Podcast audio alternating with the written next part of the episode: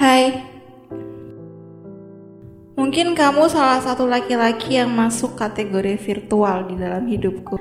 Tapi aku nggak tahu sehebat apa Tuhan bisa mempertemukan aku sama kamu yang jauh ini.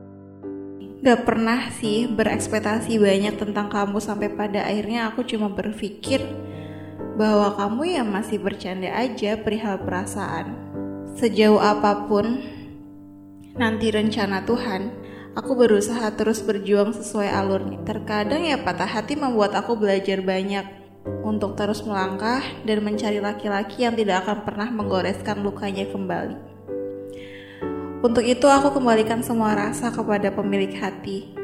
Ya karena mungkin itu hal paling tepat untuk aku mengatasi ketakutan perihal kehilangan. Terima kasih ya sudah hadir bersama dengan lembaran baru yang telah aku buka. Dan semoga kamu bisa bahagia selalu.